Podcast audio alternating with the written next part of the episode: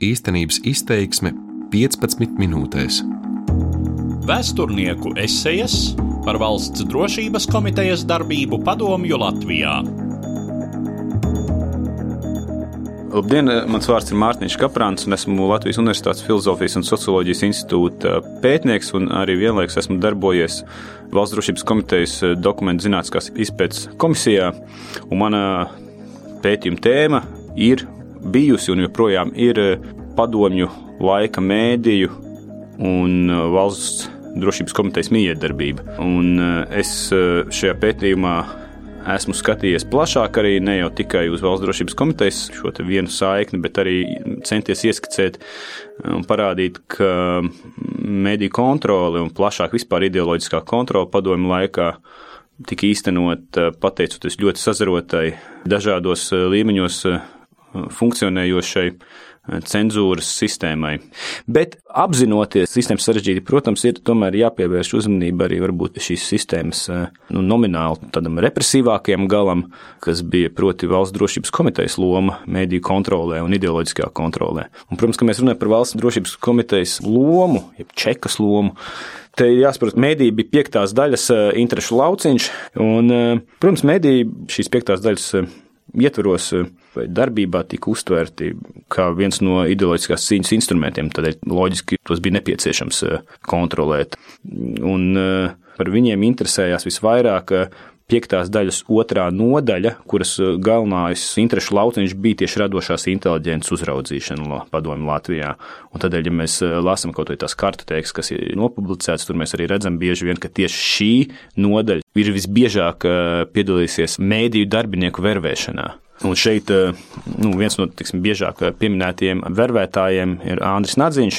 Īpaši runāja par 70. gadu otro pusi un 80. gadiem. Viņš ir Latvijas Valsts Universitātes ekonomikas fakultātē mācījies un no radiotehnikas rūpnīcas komjonetes sekretāra amata būtībā aizgāja darbā uz Valsts drošības komiteju. Arī žurnālistu savienība, kas pastāvēja tajā laikā un kuru vadīja ilgu laiku tas pats Jānis Britāns, arī tai bija saikne diezgan tieša ar valsts drošības komiteju. Kā pats Jānis Britāns, kurš tiešām tur bija vairāk nekā desmit gadus vadītājs, ir atzinis, ka ir ļoti svarīgi pievērst uzmanību tieši, kas bija sekretāri žurnālistu savienībā, jo tie vienmēr bija tieši valsts drošības komitejas štāta darbinieki. Piemēram, ilgu laiku bija Helmuts Kreitsbergs, kas bija valsts drošības komitejas majors. Viņš darbojās žurnālistu savienībā gan iesaistoties darbā ar ārzemniekiem, proti, ja kādi žurnālisti no citām valstīm atbrauc uz šejieni, tad viņš bija tas, kurš pārstāvēja it kā žurnālistu savienību, bet nu, tas bija štata darbinieks. Tad mēs nerunājam par aģentu, bet mēs runājam par reālu štata darbinieku, kas darbojās žurnālistu savienības ietvaros un diezgan nu, svarīgā amatā. Un visbeidzot, ja runā par žurnālistiem kā nu, inteliģents grupu un tās kontroli, Svarīgi uzsvērt, ka e, Valsts drošības komiteja tā ikdienas līmenī mediju saturā īsti neiejaucās. E, un faktiski tie tomēr bija ļoti ārkārtas gadījumi, kad Valsts drošības komiteja nu, iejaucās un mēģināja vai nu cenzēt, vai vismaz mainīt šo saturu. Ar šo uzdevumu lielā mērā nodarbojās Centrāla komiteja un uh, galvenā literatūras pārvalde un vēl citas, varbūt, uh, institūcijas, ja mēs runājam par televīziju un radio. Bet nekādā veidā tas ikdienā nebija tas lauciņš, ar ko nodarbojās Valsts drošības komiteja. Valsts drošības komiteja vairāk interesē paši žurnālisti kā viņi domā, ar ko viņi tiekās un tam līdzīgi, bet mazāk šis saturs.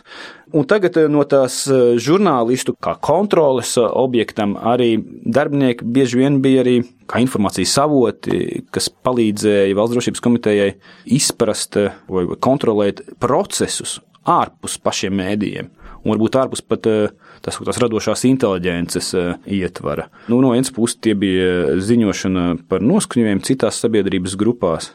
Īpaši tas varēja būt aktuāli atmodas laikā, lielā mērā saistībā, protams, ar Gorbačovu īstenot atklātības politiku un mēdīju brīvības pieaugumu, žurnālisti ne tikai tikās, bet varēja atļauties publicēt eh, viedokļus un informāciju no dažādākiem avotiem, tā skaitā varbūt ne gluži tiem oficiālākiem, un, un, un līdz ar to teiksim, viņiem bija varbūt pieeja lielāka arī disidentu grupām vai cilvēkiem, kas nu, bija ļoti pretpadomiski noskaņoti.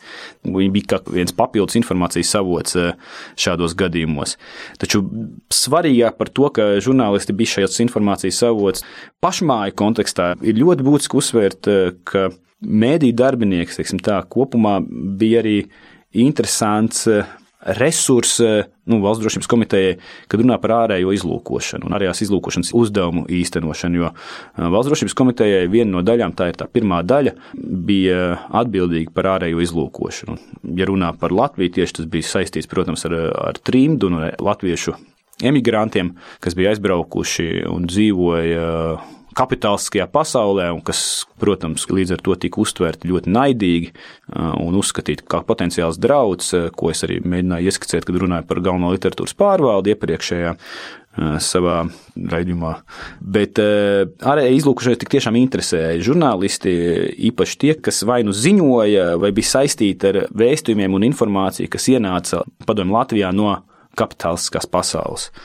Un tādā ziņā Valsts drošības komiteja īpaši uzmanību pievērsa ārzemju raidījumu redakcijai, piemēram, radio un televīzijā, arī mūzikas redakcijai, ar kuriem varēja ienākt kapitālistiskās pasaules populārā kultūra, kas, protams, bija ar risku, ka tur var būt ideoloģiski nelabvēlīgi vēstījumi parādīties. Bet tā redzamākā var būt šīs ārējās izlūkošanas uzdevuma īstenošanas manifestācija ir konkrēti patiesībā valsts drošības komitejas inspirēti mēdīji.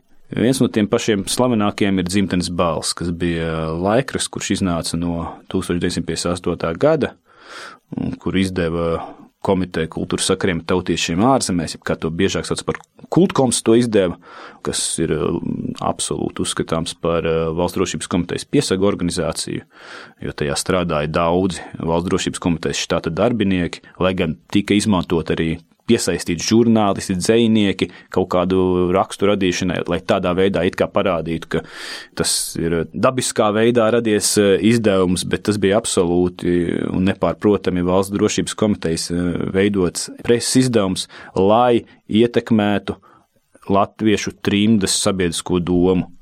Tas, vai izdevās, tas ir atklāts jautājums, un, un visdrīzāk es liektos teikt, ka šim izdevumam bija niecīga ietekme. Jā, nu, tur, kā jau teicu, darbojās vairāk štata darbinieki, piemēram, prominents valsts drošības komitejas darbinieks kā Friedrichs Straube Strauss, bija, viņš bija piektās daļas priekšnieka vietnieks Edvīns Bērķis, pirmās daļas apakšpulkvedis, dažādos laikos viņi darbojās. Vienlaikus šeit ir jāpiemina arī radioraidījums Dzintarkrasts, kura satura veidošanā bija iesaistījušies arī virkne valsts drošības komitejas darbinieku. Un šeit varbūt garām ejot, jāpiemina, ka ap to pašu laiku, kad radās dzintarkarasts, radās arī mikrofons, kas arī radās ar ļoti ideoloģisku aprēķinu, proti kā konkurence Amerikas balsī. Un, protams, aptauja bija tas populārākais, ar ko cilvēki pievērs uzmanību šai programmai. Te gan jāuzsver, ka tad, kad viņš tika aizliegts, kādam arī gribas domāt, ka tas ir valsts drošības komitejas kaut kāds uh, inspirēts pasākums, uh, bet vairāk avot to apliecina, ka tas bija absolūti lielā mērā tomēr tā laika televīzijas un radio komitejas nu, tad ortodoksāli noskaņotā komunista Ivara Īvērta, tad vadītāja šīs komitejas Ivara Īvērta iniciatīva, un tur nebija nekāda teikšana valsts drošības komitejai. Atgriežoties pie ārējās izlūkošanas, eh, vēl ir svarīgi līdz ar šiem konkrētiem mēdīju formātiem, kuros izpaudās eh, ārējās izlūkošanas uzdevumi un mērķi, proti, uzrunāt, šķelt, pārliecināt eh, latviešu trimdu. Bija arī konkrēti cilvēki, kas tiešām strādāja ar ārējā izlūkošanā, kas bija vienlaikus saistīti ar darbu mēdījos kaut kādos brīžos, bet bija nepārprotami saistīti ar ārējo izlūkošanu, Proti, viņi kaut kādos brīžos eh, strādāja arī diplomātiskajos dienestos.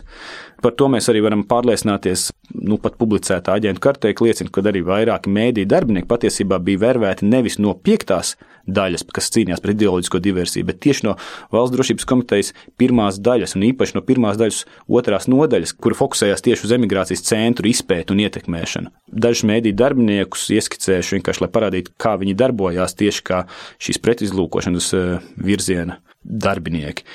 Piemēram, ir Alberts Liepa, kas ir slavens diktors, bija šeit pat rādio arī vecākais redaktors Zintarkrastā, ilgadīgs kultūras sakaru komitejas priekšsēdētājs, bet vienlaikus viņš arī strādāja divus gadus PSRS vēstniecībā kā atašais Stokholmā. PSRS vēstniecībām. Un Stokholma, protams, bija viens no pašiem lielākajiem latviešu trimdas eh, centriem. Mēs varam, protams, retoriski jautāt, ko gan Alberts Liepa darīja, strādājot PSRS vēstniecībā Stokholmā. Pauls Dutsmanis, kas ir bieži pieminēts literatūrā, viņš bija SS kara ziņotājs naciskās okupācijas laikā, un viņš ir slavens arī ar to, ka viņš piedalījās Nacionāla partizānu neutralizēšanā šeit 40. gadu beigās un 50. gadu sākumā. Un, nu, lūk, un Pauls Dutsmanis arī strādāja Rīgas balsī kā žurnālists. Viņš arī bija vairāk pret latviešu trimdu vērstu grāmatu līdzautors. Mēs, protams, varam arī retoriski vaicāt, kas bija Nikolais Neilants, kurš bija īsu brīdi televīzijas un radio komitejas priekšsēdētāja vietnieks, atbildīgs tieši par televīzijas saturu. Un vienlaikus arī viņš piedalījās kā komentētājs tiksim, Globusā un varbūt vēl citos eh, raidījumos. Kas viņš bija? Ja viņš strādāja, principā, visus 70 gadus. Viņš strādāja kā PSRS preses aģentūras APN Eiropa vadītājs Zviedrijā. Droši vien to atbildi šim retoriskam jautājumam nedodot, eh, tikai ir vērts pieminēt, ka viņš tika izraidīts no Zviedrijas par spiegošanu arī tādā klusā veidā. Līdzīgi cits eh, īsu brīdi TV radio komitejas priekšsēdētājs bija Ivars Ķēzbergs, kurš arī strādāja PSRS vēstniecībā Zviedrijā un bija arī kultūras sakaru komitejas priekšsēdētājs, kuru bija VDK piesaka struktūra. Tā kā šie daži gadījumi, ko es pieminu, vienkārši parāda, ka dažādos laikos uh, padomju Latvijas mēdījos strādājušie cilvēki, un nebūtu ne vienmēr pašos augstākajos amatos strādājušie cilvēki, viņus piespied iesaistīties ārējā izlūkošanā. Proti, ne jau tikai par to, ka viņi ziņoja šeit uz vietas par saviem kolēģiem, bet viņi arī bija iesaistīti Latvijas trimdas šķelšanā, un, un tādā veidā cerot, ka vienā brīdī tā trimda kļūst ļoti pozitīvi noskaņot pret padomu režīmu Latvijā. Un visbeidzot, es gribu pievērst uzmanību vēl arī tam, ka valsts drošības komitejas štata darbinieki nereti darbojās arī mēdījos. Nevienmēr viņi varbūt bija aktīvi vairs pašā valsts drošības komitejā, bet viņi bija saglabājuši kā štata darbinieki. Piemēram, Andris Trautmanis, kurš bija valsts drošības komitejas pulkvedis, valsts drošības komitejas piesagā arī darbojās ārējās izlūkošanas uzdevumu īstenošanā. Viņš bija PSRS diplomātiskajā dienestā Londonā, Berlīnē, Rostokā. Un 80. gadu sākumā viņš tika iecelts par televīzijas un radio komitejas ārējo sakaru daļas vadītāju.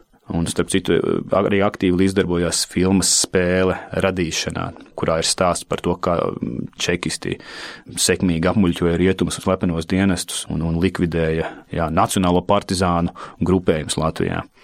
Visbeidzot, tīri pieminēšanas pēc, lai parādītu, varbūt, ka nevienmēr tas, ka tu biji čekas darbinieks vai izbijis čekas darbinieks, nozīmē, ka tev ir kaut kāda caurlaide vai, vai ka tev ir garantija, ka tu vari darīt, ko gribi, un ka tev varbūt par to nebūs nekādas sekas. Es te vēlos pieminēt eh, Broņislavu Liepnieku, kurš eh, bija jaunībā 40. gadu beigās un 50. gados strādājis Valsts drošības komitejā kā operatīvais pilnvarotais, bet pēc tam bija strādājis arī padomju jaunatnē kā nodaļas redaktors un arī bija trīs gadus eh, no 67. līdz 1970. gadam žurnāla liesma galvenais redaktors. Viņam kaut kā izdevās sevi sakompromitēt tā, ka viņam bija ārpus laulības sakari un viņu atbrīvoja arī no liesmas galvenā galvenā redaktora amata. Tādā ziņā vienkārši šis stāsts par to, ka, ja tu pārkāpi komunistiskās morāles normas, tāpat uh, īstu čekistu, štata čekistu, nevis tur tikai čeks aģentu, var atbrīvot un sodīt.